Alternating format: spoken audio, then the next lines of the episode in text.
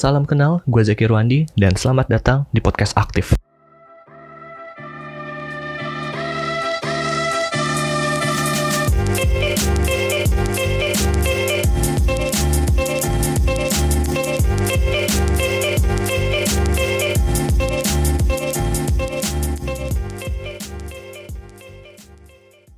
Hai kak. Halo, gue lagi di Woodpecker Tronggong. Kita salah Woodpecker. Salah cabang. Iya, salah cabang. Sebenarnya kita mau ketemuan alumni generasi bebas anemia pas ke Belitung kemarin. Dan udah janjian di Woodpecker dan pas dituju pakai Waze, Woodpeckernya ternyata salah.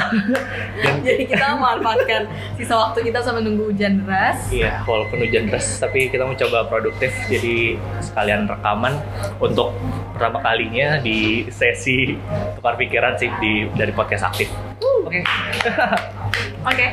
Eh, kenalan dulu siapa kah Nama namanya? aku Blesdy Clementine, mahasiswa semester 4 Universitas Multimedia Nusantara, jurusan Ilmu Komunikasi.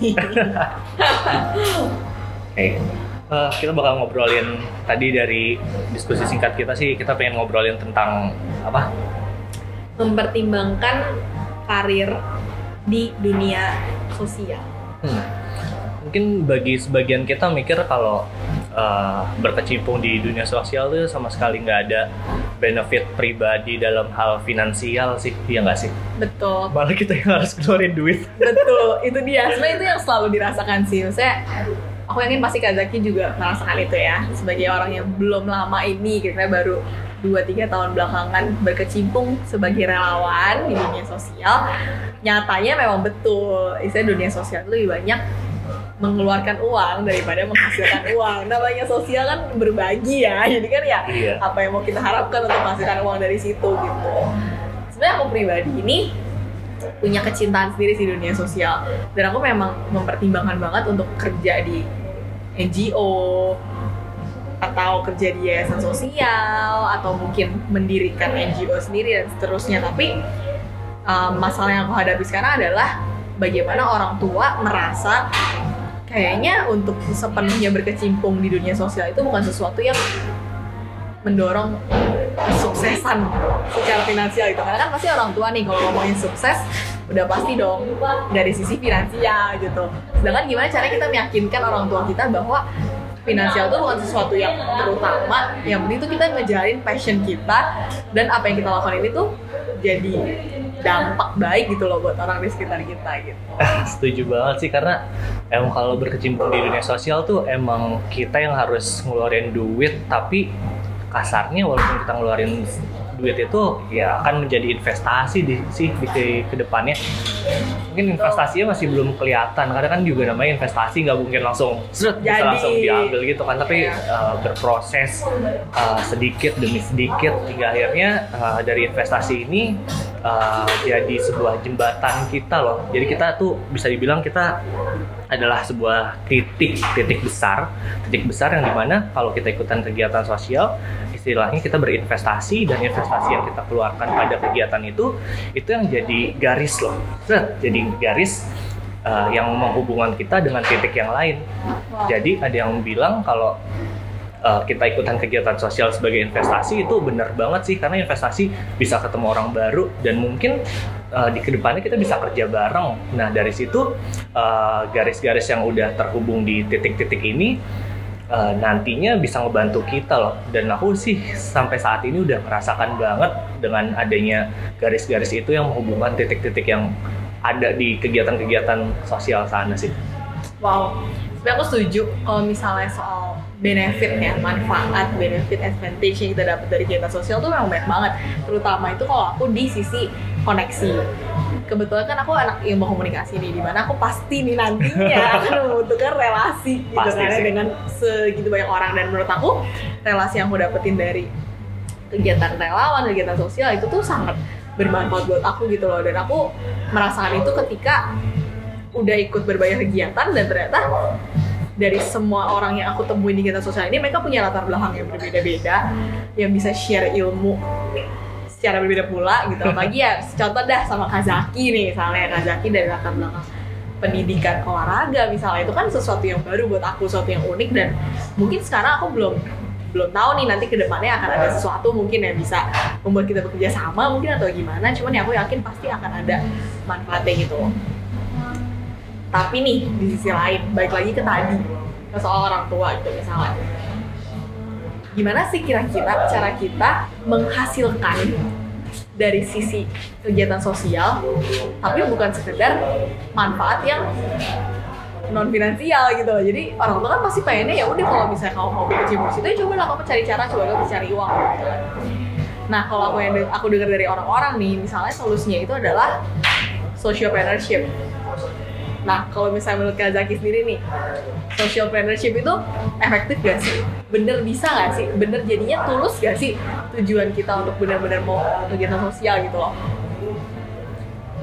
Uh, mungkin ngebahas tentang kesuksesan dari orang tua kan orang tua kita udah beda generasi jauh banget kan Betul. yang di mana dulu mungkin uh, tolak ukur orang yang sukses adalah mereka yang berhasil jadi PNS Yes, Wah, di mana. PNS tuh hidupnya udah bisa dibilang enak banget jadi udah ya udah lu tiap hari harus kerja terus pulang jam berapa udah dapat uang bulanan dapat uang cuti dapat uang THR dan pokoknya udah enak banget lah Settle gitu lah kayak ya. itu udah settle banget tapi kan kayak kalau kita sadarin bahwa hidup itu tuh tentatif maksudnya kayak monoton gitu loh Betul. jadi pagi kerja terus pulang sore istirahat sebentar terus bangun udah kerja, lagi, tuh kayak jam 8 dan 8 to bagi anak-anak milenial eh, milenial zaman sekarang bagi aku pribadi aku mandang kayak eh, sebenarnya kerjaan tuh nggak harus kayak gitu loh banyak loh kerjaan di luar sana yang bisa aku anggap kayak oh gila banget ya padahal kerja cuma kayak gini doang tapi Hmm. penghasilannya kok bisa bisa berkali-kali lipat bahkan Iya. berpuluh kali lipat dan dan juga bisa mempekerjakan banyak orang gitu loh Wow. jadi mungkin masih dibilang kalau untuk memberitahu ke orang tua sih emang masih agak sulit kecuali kalau kita emang udah uh, punya bukti atau hasilnya gitu loh yang udah kelihatan Betul. uh, sama si orang tua itu sendiri. Aku pribadi sih pelan-pelan emang kayak belum bisa menghasilkan dari kegiatan sosial, tapi uh, aku bisa ngasih kayak uh, mom coba nih lihat nih uh, aku habis uh, siaran di sini terus kita nonton uh, videonya bareng-bareng dan dari situ Oke. sih uh, pelan-pelan sih uh, dari orang tua udah mulai ngedukung sih Hmm. dan untuk jadi sociopreneurship itu sendiri udah kepikiran juga dan mungkin lebih lebih emang sih kalau udah turun di socialpreneurship uh, finansial bisa dibilang ke, jadi urutan ke sekian lah Hmm. yang paling utama itu adalah ngebantu orang-orang sekitar yang memiliki concern yang sama kita bisa Betul. kerja bareng di situ dan memberi manfaat bagi orang-orang sekitar, lingkungan sekitar dan lain sebagainya. Jadi sociopreneurship sih buat aku bisa dibilang uh, satu hal yang keren banget kalau punya ide atau apa, mending langsung lakuin, jangan terlalu banyak nuda-nuda mikir apa pun. kayak teguran untuk diri Ini sendiri buat juga diri ya. sendiri juga sih. Karena kalau ngelakuin sesuatu yang uh, kalau pengen ngelakuin sesuatu terus penuh dengan pertimbangan uh, ya udah kita nggak bakal tahu gitu loh kalau belum dijalanin. Jadi kan misal kayak kita udah wah udah mempersiapkan plan A B C tapi kalau belum dijalanin kan sama aja kan? Plannya nggak kepake tapi coba sambil jalan sambil cross check sendiri trial and error dan dari situ kita juga bisa sambil uh, ngebenahin dan sa- sambil belajar langsung. Kayak oh masih kurang di sini nih kita belajar itu. Oh masih kurang di sini ternyata diperbaiki seiring berjalannya waktu sih. Yap, aku setuju banget sih. Aku sendiri juga sempet sering ya, sering terlintas lah di pikiran aku lah pengen banget ya nanti jadi socialpreneur, pengen banget ya nanti mendirikan NGO sendiri dan seterusnya gitu. Cuman kadang memikirkan soal modalnya, memikirkan soal ininya dan itunya gitu. Namanya socialpreneurship kan meskipun kita berusaha untuk mencari dana dengan cara entrepreneurship gitu ya, berarti kan sosio dan entrepreneurship gitu. Cuman kayaknya rasanya mustahil juga gitu loh untuk sepenuhnya membiayai um, organisasi kita sendiri dengan mengandalkan socialpreneurship itu gitu. Dan pasti kan ujung-ujungnya kita kan tergantung sama donasi. Dari donatur-donatur itu dong. Dan sebenarnya idealisnya aku itu aku tuh pengen pengen coba menantang diri sendiri gitu. Kira-kira mampukah gua suatu hari nanti membuat NGO tanpa bantuan donatur? Jadi pure bikin usaha sendiri untuk membiayai NGO sendiri dan begitu seterusnya gitu loh Eh, mungkin kalau dari aku ketemu beberapa temen yang emang udah berkecimpung di dunia sociopreneur, ya kalau emang misalnya kita masih belum punya modal yang lumayan banyak, kita bisa kerja sama bareng orang yang punya concern yang sama. Hmm. Jadi istilahnya kita patungan lah. Kita Betul patungan berapa berapa, kita patungan sambil di- seiring berjalannya waktu eh, dari hasil sociopreneurship itu sendiri ya ntar bakal balik modal walaupun nggak cepet sih. Jadi pelan-pelan. Jadi mau nggak mau kalau emang belum punya modal ya harus cari temen sih buat patungan. Bener sih. Nah kalau misalnya Kak Zaki sendiri, Kak Zaki punya nggak sih concern di bidang sesuatu yang kira-kira tuh membuat Kak Zaki tergerak lah untuk melakukan sesuatu juga gitu loh untuk mengatasi isu tersebut. Eh, yang paling aku concern tuh ke anak-anak muda, anak-anak kecil sih apalagi eh, banyak yang sepantaran aku di tetangga di rumah di area rumah tuh kayak eh, emang menghabiskan waktunya cuman di gadget doang, sosial media doang, kayak apalagi udah habis banget lah waktu di game online lah, yang bisa dibilang tuh kayak oh kasihan banget ya ngelihatnya ya. Padahal kan sebenarnya eh, teknologi tuh harus bisa membawa perubahan. Walaupun aku belum eh, bisa sepenuhnya eh, menggunakan teknologi untuk eh, di bidang sosial ya, Hmm. masih belum bisa mengimplementasikan. Jadi tidak, eh, aku masih pelan-pelan sih. Gimana sih cara uh, uh, atau memanfaatkan uh, teman-teman yang ada di area tempat tinggal ini jadi lebih produktif gitu sih. Udah kepikiran uh, concernnya untuk di anak-anak muda dan udah ada prototype uh, komunitas yang mau aku bikin Wow. namanya pesawat kertas deh. Situ Wah, sebenarnya kayak prototipe tuh uh, pengen concernnya tuh di tiga hal sih. Di tiga hal kayak untuk di edukasi, terus di industri kreatif, sama di uh, apa ya namanya tempat pariwisata gitu sih. Hmm. Jadi dari situ aku pengen memberdayakan pelan-pelan mulai dari anak mudanya, ntar merambah ke remaja dan mungkin ntar uh, bisa berujung juga ke orang tua si remaja itu dan anak-anaknya itu sendiri sih. Tapi itu masih prototype dan masih kayak mikir lagi mikir lagi itu Oke, masih oke. nah itu tunda-tunda itu yang paling parah banget solusi sih. yang tadi Kak Zaki tawarkan bisa mengingatkan kembali diri sendiri ya. secepatnya bergerak gitu ya dibanding kita berpikir terus soal tidak jadi-jadi gitu. Karena aku sendiri juga kepikiran banget sih sebenarnya. Kayak sering kali mikir keterbatasan yang kita punya gitu.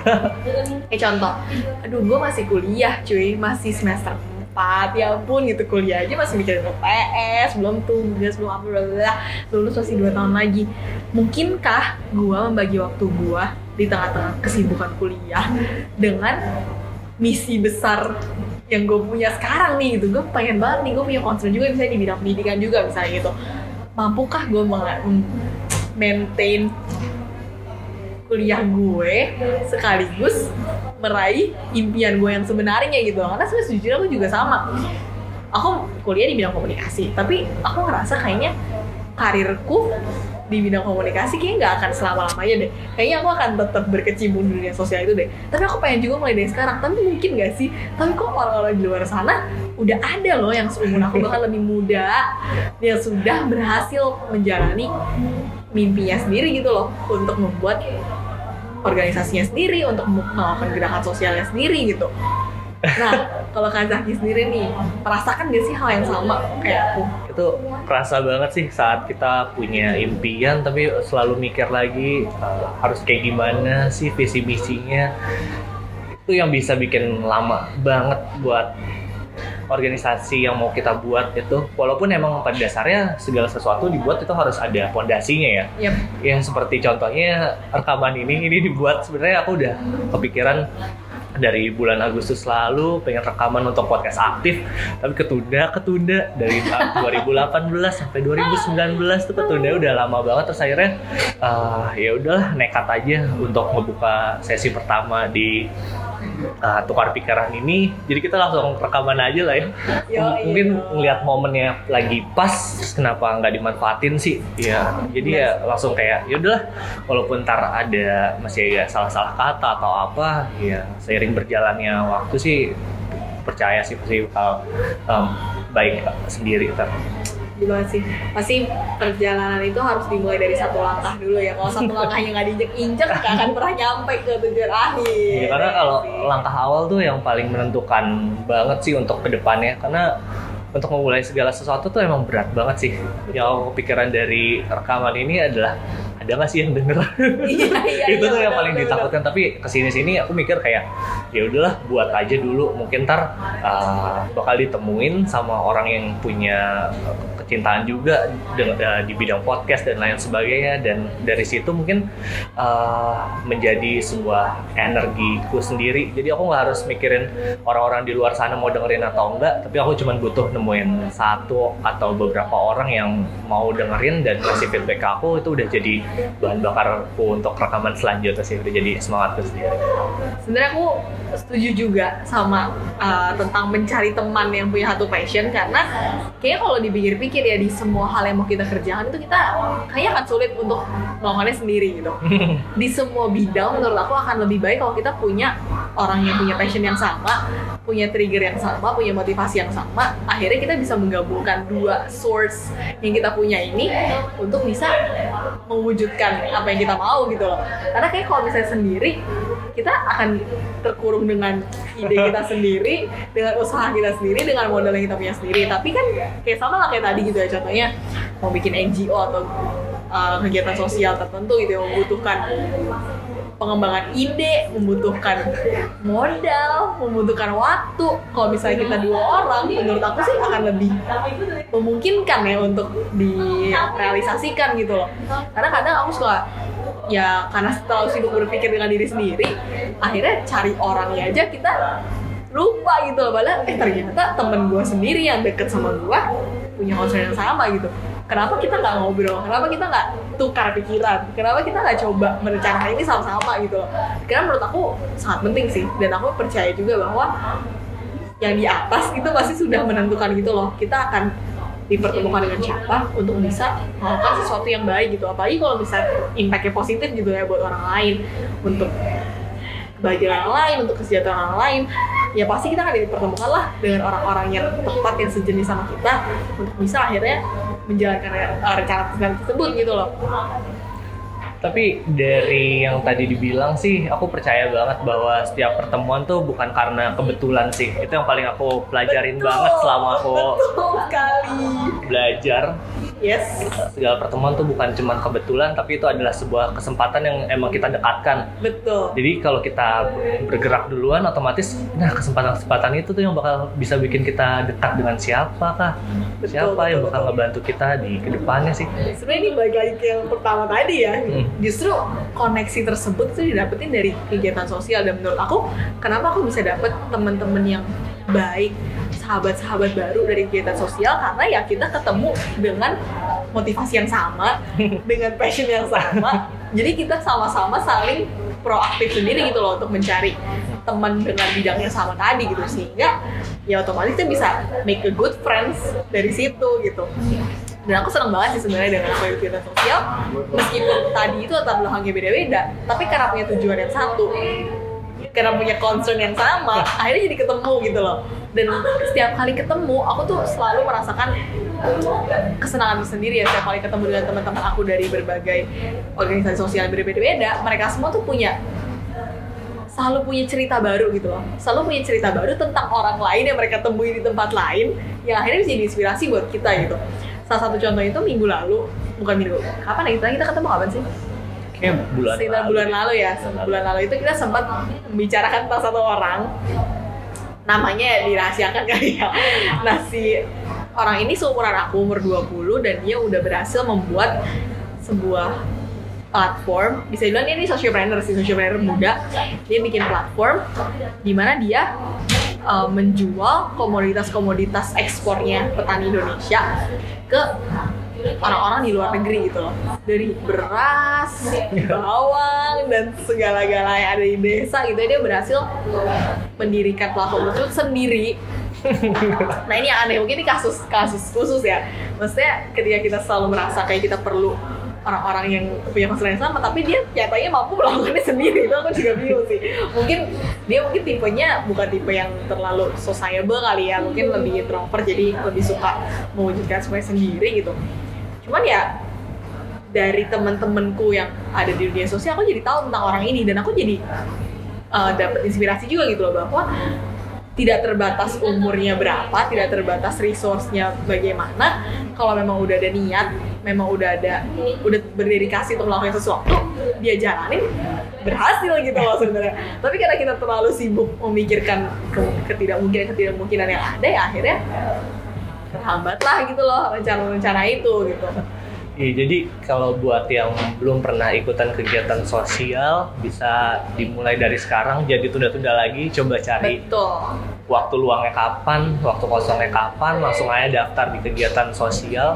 Tapi jangan langsung berharap bahwa langsung mendapatkan koneksi yang banyak Yes. gitu tapi karena koneksi yang banyak itu harus membutuhkan proses jadi harus nikmati prosesnya lah kenalan dari satu orang ke satu orang lainnya dari Terus satu ya- kegiatan-kegiatan Ya, lainnya kegiatan-kegiatan lainnya, investasi di waktu, Betul. di finansial, biaya yang udah kita keluarkan juga, dan nikmatin aja sih prosesnya hingga akhirnya ntar proses-proses yang udah kita susun dari awal, yang udah kita tabung, ntar bisa jadi sebuah hadiah yang istimewa banget sih ke depannya. Amin. Hadiah yang nggak terduga banget sih.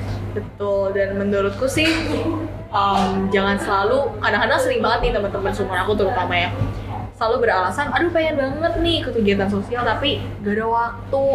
Ah tapi kan itu periodenya panjang. Ah tapi kan gue kalau hari ini ini nih ada kegiatan ini gitu. Sebenarnya ketika kita udah bersedia meluangkan waktu sebenarnya pasti bisa gitu loh. Sering banget pasti kita ketemu quotes quotes sebenarnya kita bukan gak ada waktu tapi kitanya tidak meluangkan waktu untuk hal tersebut. Sedangkan kalau hal itu memang penting buat kita aku yakin sih pasti selalu ada waktu yang bisa ditemuin gitu loh. karena dari berbagai kegiatan sosial aku ikutin pasti jenisnya tuh beda-beda. Ada yang cuma satu kali ada yang mungkin memang membutuhkan komitmen nih dari kita untuk bisa datang setiap minggu. Ada yang periode tiga bulan ada yang enam bulan ada yang mungkin setahun karena jadi pengurus organisasi. Ada juga yang mungkin beberapa hari tapi ke daerah ke desa. Misalnya kayak kemarin kita ke Belitung. Ya jadi karena pilihannya banyak sebenarnya pasti selalu mungkin untuk ada kegiatan sosial bisa kita ikutin gitu loh. Hanya masalah kitanya aja. Kitanya bersedia nggak meluangkan waktu untuk itu gitu loh. Dan menurutku sama sekali gak ada ruginya sih meluangkan waktu untuk kegiatan sosial. Karena ya baik lagi kayak tadi manfaatnya yang dapat itu sangat banyak gitu loh. Kadang ketika kita mikir kita mau membahagiakan orang lain nyatanya justru kebahagiaan orang lain itu membuat kita bahagia. Lebih bahagia daripada kita yang sebelumnya gitu loh. Membagikan kebahagiaan membagikan kebahagiaan kita bukan berarti kehilangan kebahagiaan tapi justru mendapatkan lebih baik lagi kebahagiaan. Kembali ke kita itu yang aku dapat sih. Dan aku selalu merasakan itu deh kayak aku selesai melakukan kegiatan sosial gitu. Itu sih yang bisa dibilang kalau ikutan kegiatan sosial tuh bukan kita nggak dibayar karena kita nggak memiliki harga bayaran ya. Karena mengikuti kegiatan sosial tuh bisa dibilang bayarannya adalah ya nggak ada. Karena nggak ada mampu uang nominal berapa banyak pun yang bisa ngebayar kebahagiaan yang kita dapatkan dari ikutan kegiatan sosial itu sendiri dan Setuju sekali. ngomongin waktu emang sih kebanyakan dari kita tuh kayak sok sibuk lah atau Hmm. sibuk ngapain padahal nyatanya sehari-hari juga paling cuma sibuknya sibuk ngapain gitu kalau kita masih punya waktu buat scroll Instagram itu- berapa itu jam udah. sehari itu kayak kalau diakumulasikan bisa jadi satu kali periode kita iya. ngejalin kegiatan sosial jadi sebenarnya sebenarnya kita tuh punya banyak waktu yang mungkin yang nggak kita bisa itu adalah nge-manajemen waktu itu sendiri sih. Betul. Ya manajemen waktu tuh penting ya terutama buat yang masih kuliah juga sih karena selalu alasannya itu waktu waktu dan waktu gitu. Sebenarnya sayang banget waktu yang sih. dijadi kambing hitam kan itu. Nah itu Kasian sih waktu. iya kenapa waktu disalahkan gitu kan? Padahal sebenarnya waktu itu ya masalah ya momen masalah kita ini aja mesti ngaturnya seperti apa gitu. Ngaturnya sebijaksana mungkin gitu. Dan ya mungkin di pesan-pesan terakhir gitu ya. Aku pengen banget sih ngajak teman-teman anak-anak muda. Bahkan mungkin yang udah tidak merasa muda pun juga menurut aku kegiatan sosial itu terbuka untuk semua orang yang peduli sama teman-teman di luar sana yang membutuhkan bantuan kita gitu. Kadang kita selalu merasa kadang-kadang ya banyak dari kita juga yang merasa kendala itu bukan cuma di waktu tapi juga di skill. Ah gue nggak gitu jago. Ah gue nggak gitu bisa ngajar. Ah gue nggak gitu bisa foto. Ah gue nggak gitu bisa ini nggak gitu bisa itu. Menurut aku sih kalau kita selalu fokus ke keterbatasan itu kita nggak pernah mulai. Sekali lagi langkah pertama itu nggak akan ada gitu loh. Menurut aku sih seberapapun skill yang kita punya seberapapun uh, amunisi atau source yang kita punya selagi kita masih punya menurut aku sih pakai aja ya. Karena ya aku percaya sih nggak ada yang sia-sia gitu loh ketika kita emang kasih itu buat orang lain ya pasti tetap kok ada manfaatnya gitu. Jadi ya jangan tunggu lebih baik memulai. Memulai dengan segera. Oke, buat yang masih belum pernah ikutan kegiatan sosial, sekarang bisa langsung cari kegiatan sosialnya dan luangin waktunya dan nikmati proses yang ada supaya garis-garis yang kalian buat itu bisa terkoneksi ke titik-titik yang ada di luar sana. Dan terakhir jangan lupa kalau kalian suka uh, di sesi kali ini jangan lupa like and share supaya banyak orang yang dengerin lagi supaya kebaikan kita juga uh, menyebar lebih luas lagi dan mungkin kalau ada yang mau ditanyakan ke Blesdi uh, ada Instagram atau sosial media kah? boleh at blesdi b l e double s d y Terus juga kalau kalian ada ide tentang topik untuk uh, sesi berikutnya, kalian juga bisa DM gua di Instagram @zakiswondo s o e w o n d o atau juga bisa email ke gua ke zakirwandi@gmail.com. Mungkin sekian karena hujannya juga udah reda, jadi kita, harus, pindah lanjut woodpecker. pindah ke kafe yang sama, cuman beda lokasi doang. Jadi ya thank you so much yang udah dengerin dan jadi aktif.